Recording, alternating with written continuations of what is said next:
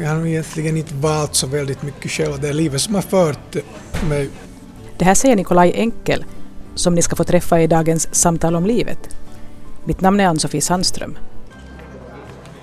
En förmiddag i mars hade jag stämt träff med Nikolaj i en hotellaula i centrala Helsingfors. Jag hade aldrig träffat honom förr, men några månader tidigare när jag faktiskt satt i samma hotellaula med ett par kompisar så berättade jag om en person som de kände. En person som var filosof och som jobbade som ordningsvakt på en båt och som hade ekonomiska frågor som specialintresse. Det här tyckte jag lät intressant så jag tog kontakt med honom och frågade om han ville vara med i ett radioprogram. Och det ville han. Ja, jag heter alltså Nikolaj Enkel. Jag är född i Helsingfors 1961 i december. Det betyder att eh, jag närmar mig 50. Det ska väl bli kalas om inte, om inte på dagen så sommaren efter. För tillfället jobbar jag på Viking Lines MS Mariella som ordningsvakt. Där har jag jobbat sedan 94 i perioder. Jag har två barn, Felicia, en dotter som är 27 år och är färdig, blev just färdig läkare. Och så har jag en son som heter Alexander, 19 år och studerar vid Åbo Akademi. Och så har jag bakom eh, ett 26-årigt äktenskap, en skilsmässa för snart fyra år sedan. Och för tillfället så har jag en dam som jag sällskapar med. Ska, jag, vad ska jag berätta vidare? Jag ber Nikolaj berätta var han bor för tillfället. Nu är det faktiskt, nu har jag liksom lite levt i kappsäck här de, de senaste åren. Att, att jag är skriven på Åland och där är jag faktiskt eh, effektivt mest av den tiden på land. Jag brukar vara där hela sommaren. Sen har jag en hyresbostad i Åbo och där har jag då min son som, som bor i Åbo. Mitt liv med, med min förra familj så att säga var, var, ju, var ju i Åbo så det, det är ett arv sen från det och, och så har jag Anna min vän här i, här i Helsingfors som, som jag då hälsar på ganska mycket. Så att jag bor i Kappsäck. Är det någonting du tycker att du vill fortsätta med eller något nej, som nej, känns nej, tillfälligt? Ja, nej, nu, nu, jag, jag, hoppas att det är ändå sådär relativt tillfälligt. Att, att det är skönt på somrarna när jag kan vara på ett ställe. Och jag har nu min fasta punkt där på Åland. Så att eh, det är ju inte det att jag helt skulle sakna det men sen å andra sidan, även om jag nu kanske skulle hoppas att, att hålla på så här i, i all oändlighet så kanske det har varit lite bra också att, att leva så där i kappsäck, att man märker att man, man klarar sig så där rätt så bra även om man inte har allt det där, det där som man är van vid omkring sig, det vill säga materiell väg då, utan man får lite så att säga improvisera den där vardagen. Så som man ju gjorde ofta när man var ung. Och inte vet jag nog om det är sådär helt ohälsosamt det heller kanske lite besvärligt emellanåt. Nikolaj sa att han jobbar som ordningsvakt på en båt, så jag frågade om det var någonting som han valde för att han ville ha just det yrket eller om det var det att han har en vecka jobb och en vecka ledigt eller om det fanns någon annan orsak till att han sökte sig till det här jobbet. No, nu var det ju alltså, det var, började ju som ett sommarjobb. Men, men nu så är det ju förstås det där att jag, det här vecka-vecka-systemet, sen är det faktiskt så att, att jag jobbar från mitten på september till början på juni jag är borta från båten hela sommaren. Att jag jobbar så att säga höst, vinter, vår.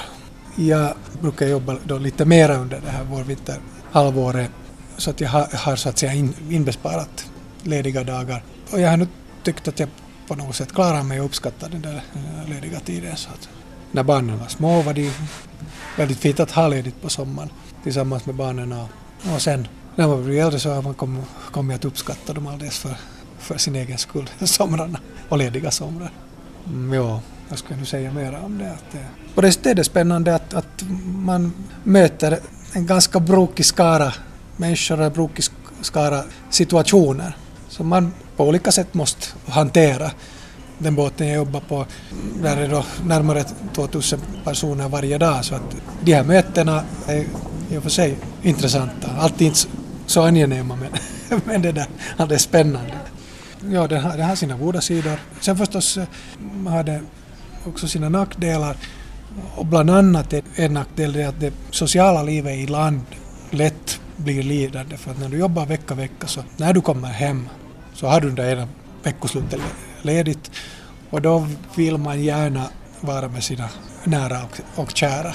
Och eftersom det nu är så att de flesta av oss liksom jobbar vanlig, vanliga arbetsdagar så det är just de här veckosluten man är ledig så då kanske man inte träffar så mycket av sina vänner, övriga vänner just under veckoslutet. Och sen följande veckoslut var man på jobb igen. Så det är lätt hänt att den tenderar att krympa, den där umgängeskretsen. Av rent praktiska skäl? Ja, rent praktiska skäl. Och vad ska jag nu berätta annat då? Jag ber Nikolaj Enkel berätta hurdan han var när han växte upp. Hela min ungdom gick åt till sport. Jag spelade ishockey, jag spelade fotboll och, och sen handboll. Vid ungefär 14 års åldern så var det den grenen som kom att uppta min tid och, och som jag verkligen sen satsade på. Och jag spelade då i Grankulla IFK mina juniorår och det blev mera, ska vi säga, än en hobby. Jag spelade i, i ungdomslandslaget och i landslaget och min plan var att uh, bli professionell spelare men tyvärr, tyvärr så skadade jag mitt knä. Jag var i militären då och det kanske inte sköttes enligt alla konstens regler så att det blev aldrig riktigt bra. Och med det sprack också den här möjliga karriären som proffsspelare. Jag hade just före det här knäet gick sönder så samtal med en kille från tyska Bundesliga-laget Gummersbach och det där meningen var att jag skulle fara dit och provspela. Men som sagt, det här sprack och Kändes det att måste ge upp en sån dröm som du faktiskt då hade tänkt satsa på? Ja, det var, nu, det var förstås en tuff sak för jag hade satsningen var hård och det var nu tre år som mer eller mindre helt gick åt den där handbollen. Att jag skrev studenten och klarade den hyfsat men, men så mycket tid hann jag inte ägna åt den. Att det, var, det var där. Så det är klart att det var ganska tufft. Mitt knä opererades och så försökte jag träna den i skick så gott det gick och så bra blev det ju att jag kunde fortsätta spela. Jag spelade då i finska ligan i, i många år, ända fram till 91 tror jag, om jag inte missminner mig, så la jag tossorna på hyllan. Det att, att det inte blev proffskarriär och att knä aldrig blev riktigt återställt, så det var någonting som tiden visade helt enkelt. Så att äh, det här planen om att, att åka utomlands, så det helt enkelt äh, föll ur bilden så där sakta men säkert, men utan någon större dramatik liksom. Men om du hade tänkt ändå att det skulle bli ditt yrke, hade du någon plan B så där som du kunde sen då styra in på? Nej, alltså någon plan B hade jag egentligen inte. Det var meningen att jag skulle börja studera någonting. Så mycket visste jag, men, men riktigt vad det, det var väldigt oklart. Det som sen hände, jag kom att träffa min fru, före detta fru, jag var då rätt så ung, 21 år, och hon hade fått en studieplats vid Åbo Akademi. Och det där, eh, då bestämde jag mig helt enkelt för att fara efter henne dit och söka in då till akademin och det valet blev då psykologi och det här var nog kanske delvis en sån här eh, släktsjukdom. Min far var psykoanalytiker och det här med psykologi fanns så att säga i familjen. Och jag kom in och, och, och så började jag med psykologistudierna. Det måste ha varit alltså i 80-talet? 83 skulle jag säga att det var. Vad tyckte du om att börja studera det då? Nåja, jag tyckte det var roligt till att börja med. Sen började jag med filosofin då som ett biämne och det filosofiintresset kom nog sen med tiden, eller ganska snabbt egentligen, att på sätt och vis ta över. Jag tyckte helt enkelt att eh, jag lärde mig mer om människan i mina filosofistudier än vad jag lärde mig i mina psykologistudier. Så att äh, i praktiken så, så studerade jag psykologi som huvudämne kanske ett, max två år. Sen tog filosofin allt mera över och på den vägen är det. Jag har visserligen en humkand från akademin men med filosofi då som, som huvudämne och psykologin som ett stort biämne. Och eftersom jag har gjort ungefär samma sak men tvärtom, att jag började med filosofi och sen hoppade jag över till psykologi men sen tog jag också bara en humkand, så slank vi in på ett jättelångt stickspår som tyvärr inte ryms med i programmet. Jag konstaterar i alla fall att när jag läste filosofi så insåg jag ju att jag inte skulle få något yrke på det sättet. Men jag läste det i alla fall för att det var intressant. Så jag frågade Nikolaj ifall det för hans del var på samma sätt att han lät sig styras av det han var intresserad av istället för att välja att studera någonting sånt som faktiskt skulle ge ett yrke. Ja, det där det är nog faktiskt så att jag har egentligen inte valt så väldigt mycket själv. Det är livet som har fört mig. Jag blev ju inte heller färdig med mina filosofistudier. Skälen till det där kanske i första hand en viss form av helt enkelt lathet med, med det där skrivande som jag inte vet riktigt hur jag ska ta i, i tur med. Jag har nog fortfarande så där i planen att jag, att jag någon ska skriva min gradu, ja. Men sen var det nu också så att eh, det behövdes bröd på bordet så att uh, vi måste jobba en del, vilket förstås tog lite av studietiden. Vi fick vår dotter samma år vi började studera, vilket ju också delvis upptog tid.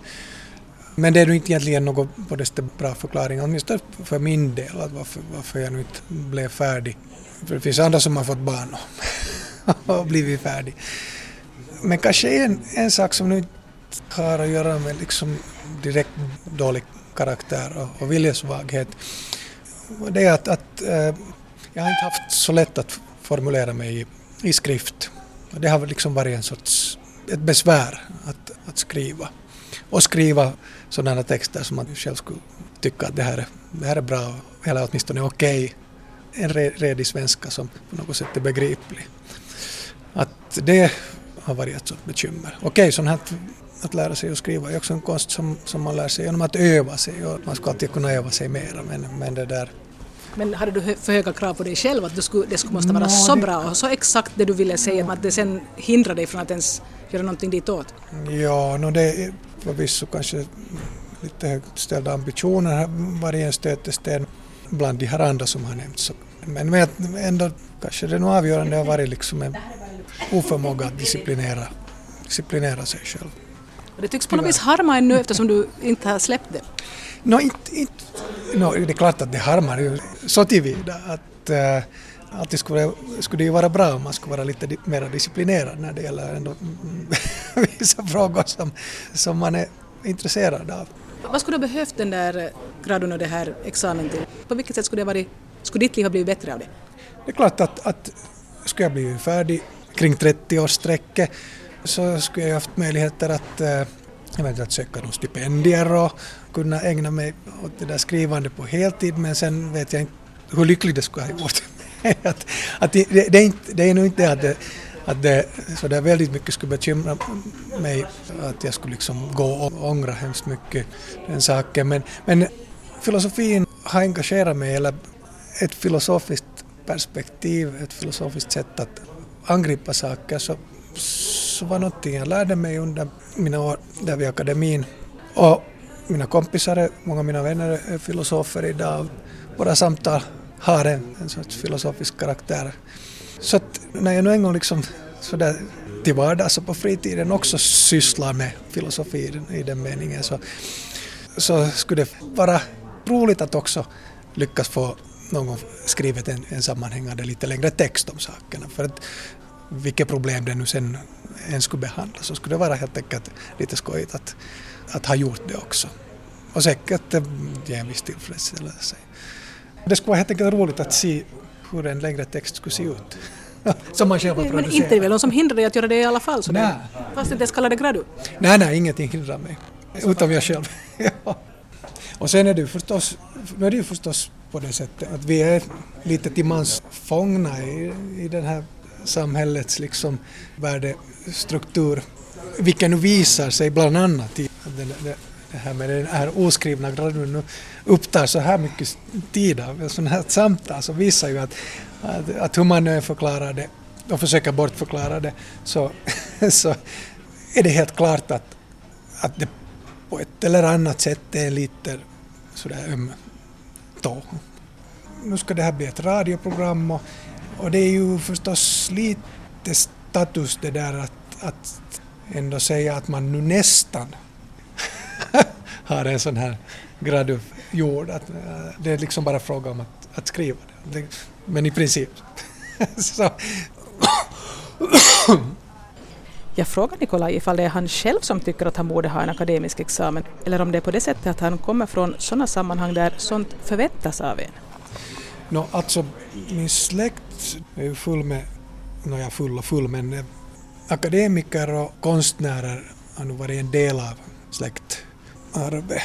Så det finns, det finns en hel del akademiker och konstnärer i släkten och, och de här just då, akademiker, konstnärskapet har, har nog funnits där som en sådana saker man har sett upp till och så det har hört liksom till ett anständigt liv att, att antingen skapa någonting konstnärligt eller så få en, en akademisk examen. Att det, och hur, hur hårt det där trycket nu sen var, det vet jag inte riktigt. Så mycket kan jag säga från min egen, mitt eget hem att jag kommer ihåg att jag inte skulle ha upplevt något större, större tryck och press hemifrån. Men jag vet andra släktingar som, som nog har liksom upplevt ett sånt här tryck och, och just framförallt från släktens sida liksom eh, från en sorts större, större gemenskap. Hur oartikulerad den är så, så kan sådana tryck nog vara ganska påtagliga. Men vart var vi nu Men är, det något, är det någonting sånt som fortfarande gör då att du liksom lite tycker att du borde skriva den där graden? Uh. fortfarande fast du snart är 50? Ja. Jag är bara nyfiken. Ja, kanske det finns, äh, finns något sånt. Men sen är det nu så att det är olika, olika teman och olika frågor som har engagerat mig under årens lopp.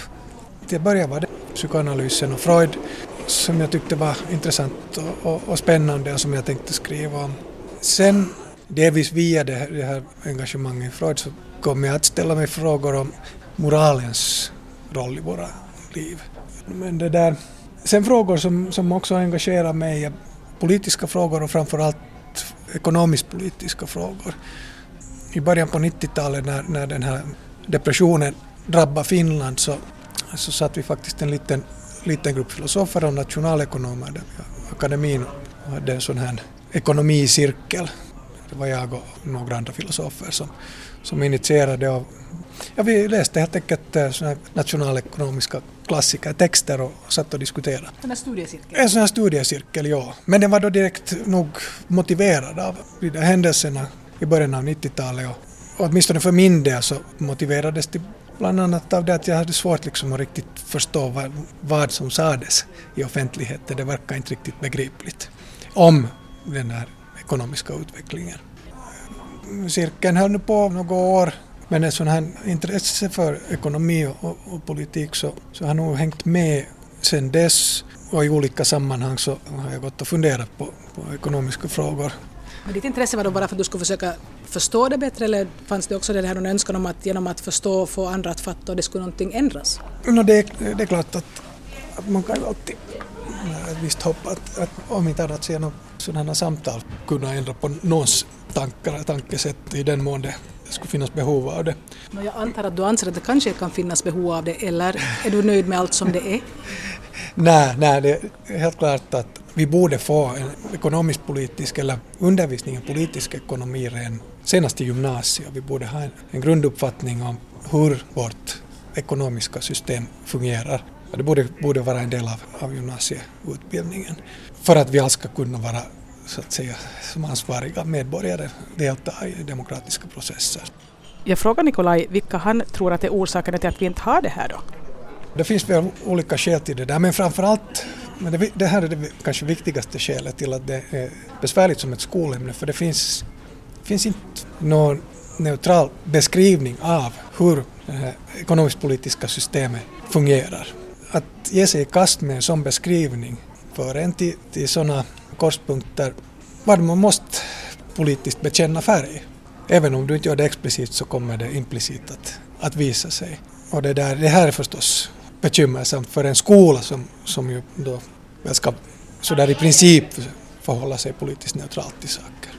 Men, men som sagt den här ekonomisk-politiska undervisningen skulle vara oerhört viktig. Kanske, det, kanske du borde liksom sätta dig ner och skriva en lärobok i det då istället för att ja, hålla på och fundera ja, på den där gradun? Faktiskt eh, frågor kring eh, ekonomisk filosofi som, som jag nu har suttit och påtat i lite så att, så att vi ska nu se om det blir något, kanske det, kanske det blir något, något som handlar om, om just ekonomins filosofi. Jag känner mig tvungen att medge att jag själv inte riktigt har de här sakerna helt på klart. Och att det faktiskt är på den allra senaste tiden som jag har börjat lite intressera mig för de här sakerna och försökt sätta mig in i hur vårt ekonomiska system fungerar och allt det där. Och det kan kännas lite övermäktigt att försöka förstå sig på en helt ny begreppsvärld. Ja, alltså det, det är inte helt lätt att komma in i det här och lära sig att förstå det här, vårt monetära system. Nej, det skulle vara bra om man skulle ha någon kurs redan i gymnasiet, det, det, ja, det tror jag säkert. Ja, och det är till och med konstigt den låter, men det verkar lite som om det är egentligen ingen som riktigt har koll på det. Och en, Just det, den känslan har jag haft också. ja, för att det här är en intressant Eh, iakttagelse som jag gjort att, att eh, ekonomer, eh, forskare har olika teorier om hur vår penning kommer till. Och det signalerar ju en sorts just utanförskap, man, man, liksom, man måste ha olika, olika forskare har lite olika teorier om hur pengarna genereras. I det här skedet fick jag en lång förklaring till hur vårt penningsystem fungerar och hur pengarna kommer till. Det ryms tyvärr inte med inom ramen för det här programmet, men om någon vill sätta sig in i de här sakerna så kan man hitta den delen av vårt samtal på arenan, på samma ställe som det här programmet sen kommer att finnas.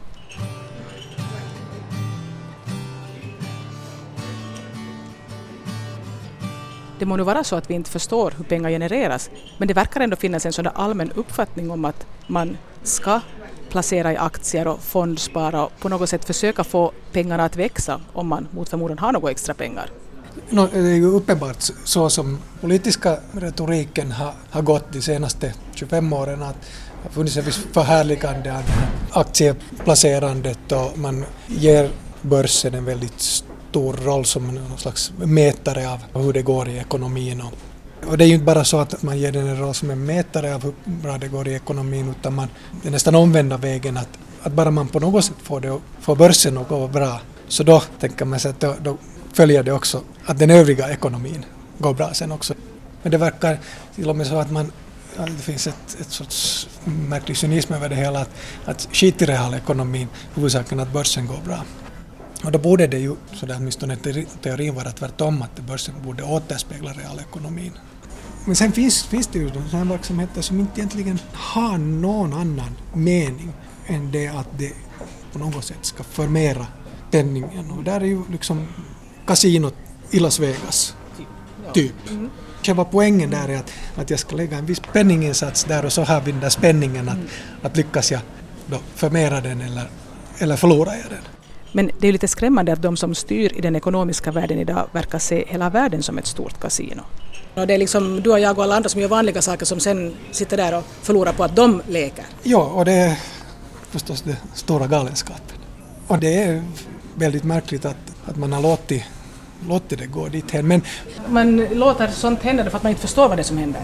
Det är inte det som är grejen. Ja, ja jag, det är något sådana, sådana de yttersta liksom frågorna. Att vad, hur kan det komma sig att vi går med på sådana märkvärdiga saker? Men vad kan man då göra ifall man inte vill gå med på det som händer i vårt ekonomiska system?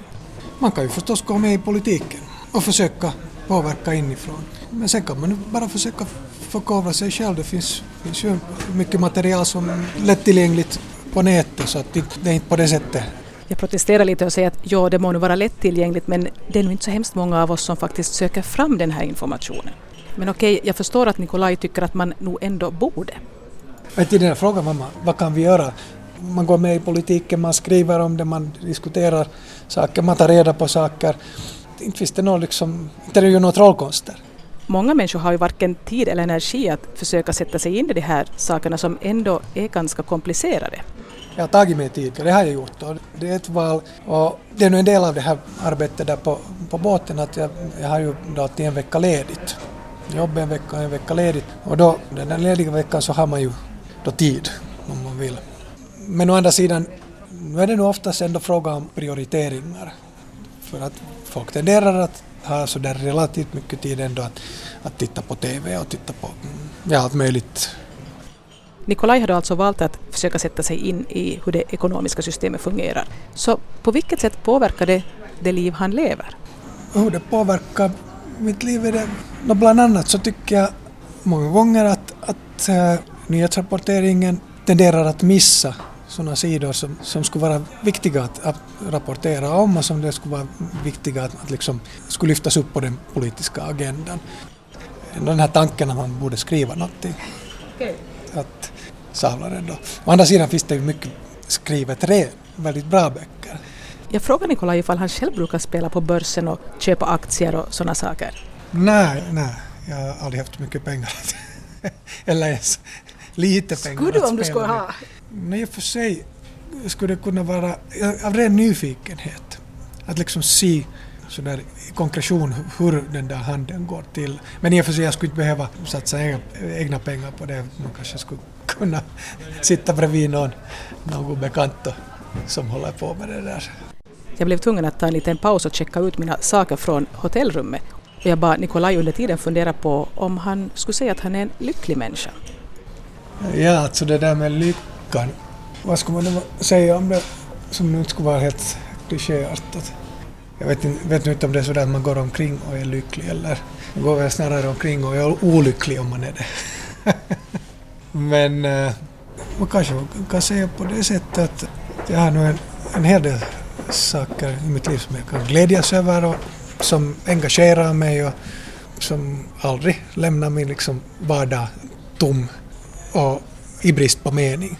Så det finns en hel del livsinnehåll och en massa saker som, som är ämne för, för glädje och, och därigenom förstås också kanske sorg och, och olycka, men de där sakerna hör ju ihop. Utan glädje och, och sånt som är viktigt för en så, så skulle det inte finnas något att sörja över heller. Trots att jag frågar folk ifall de är lyckliga så måste jag medge att jag själv inte egentligen vet vad det är det där att vara lycklig. Däremot så kan man ju vara nöjd och tillfreds med livet. Och man blir kanske lite mer tillfreds om man försöker låta bli att gnälla och jomma och hänga upp sig på allt som inte är bra. Och så kan det ju hända att man ibland vid oväntade tillfällen får uppleva korta stunder av eufori. Ja, ja det, de här stunderna av eufori, ja de kommer ju också. De är ju för sig värdefulla och viktiga. Jag stod här ute på havsisen för ett par veckor sedan och månen var nästan full, stjärnhimmel. Ett fantastiskt ljus över ett säreget landskap.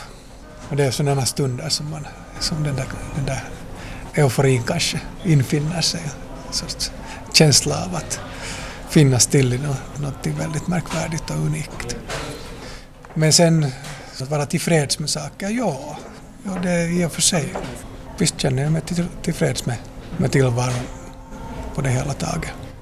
Ja, du talar om det här, det här jommande och gnällande, ja. Nå, inte man ju så oskyldig på den fronten, framförallt just när det gäller de här stora världsfrågorna så tenderar man att vara lite sådär misantrop emellanåt. Om man be bekymrar sig och man påpekar problem med mer än vad man kanske bidrar till någon slags lösningar. Till en viss bemärkelse så är ju de här lösningarna på alla våra problem en viss viktig bemärkelse väldigt enkla. Det gäller för oss bara att engagera oss i saker och försöka på något sätt engagera vår känsla för, för rättvisa och sinne för proportioner i olika gemensamma, gemensamma frågor. Men sen att, att det är oerhört svårt i praktiken och i verkligheten för oss att komma loss ur olika maktsammanhang och tävlingskonstellationer och elakartade lojalitetsband och erkänna våra egna misstag och så vidare. Så det gör ju att den här, den här världen, världen sen tenderar att inte utvecklas speciellt harmoniskt och, och rationellt utan eruptivt och, och enligt ganska överraskande banor. Vi har suttit och pratat jättelänge men i något skede kom vi ännu in på det här med huruvida mera pengar ger mera lycka. Men nu har vi väl de flesta till oss, och jag också, har vissa drömmar som skulle kräva mera pengar. En lottovinst till exempel. Vad, vad, skulle, vad skulle man göra om man skulle vinna på Lotto? Så, men vad skulle du göra om du skulle vinna på Lotto? No, bland annat skulle jag köpa en bostad. Jag skulle gärna liksom ha ett, ett hem som känns som mitt hem och som skulle vara tryggt. Man skulle veta att man inte måste överge bara för att någon beslutar sig för att säga upp hyreskontraktet. Uh, så att, uh, naja, den typen, av, den typen av saker som... Det är inte sekundära frågor men, men alltid klarar man ju sig. Eller alltid alltid, men för det mesta klarar man sig på något sätt. Men jag tror att de flesta av oss kanske ändå, ändå har sådana, sådana saker som man, som man tycker att nu inte har att göra direkt med rikedom utan bara med vissa sidor av, av det där livet som skulle kunna, kunna vara lite, lite mer ordnade, lite tryggare. Är det någons telefon? Det är min. Ja, jag tänkte, det, var, ja, det lät som det... Det var Vi hade suttit här och diskuterat. Du har hört Samtal om livet med Nikolaj Enkel. Mitt namn är Ann-Sofie Sandström. Inte visste jag hur länge det skulle ta. Nu visste jag att det skulle ta mer än en halvtimme för att, för att de skulle klippa det. Programmet kommer att finnas tillgängligt på Yles webbradio Arenan i ett år på samma sätt som alla andra program i den här serien.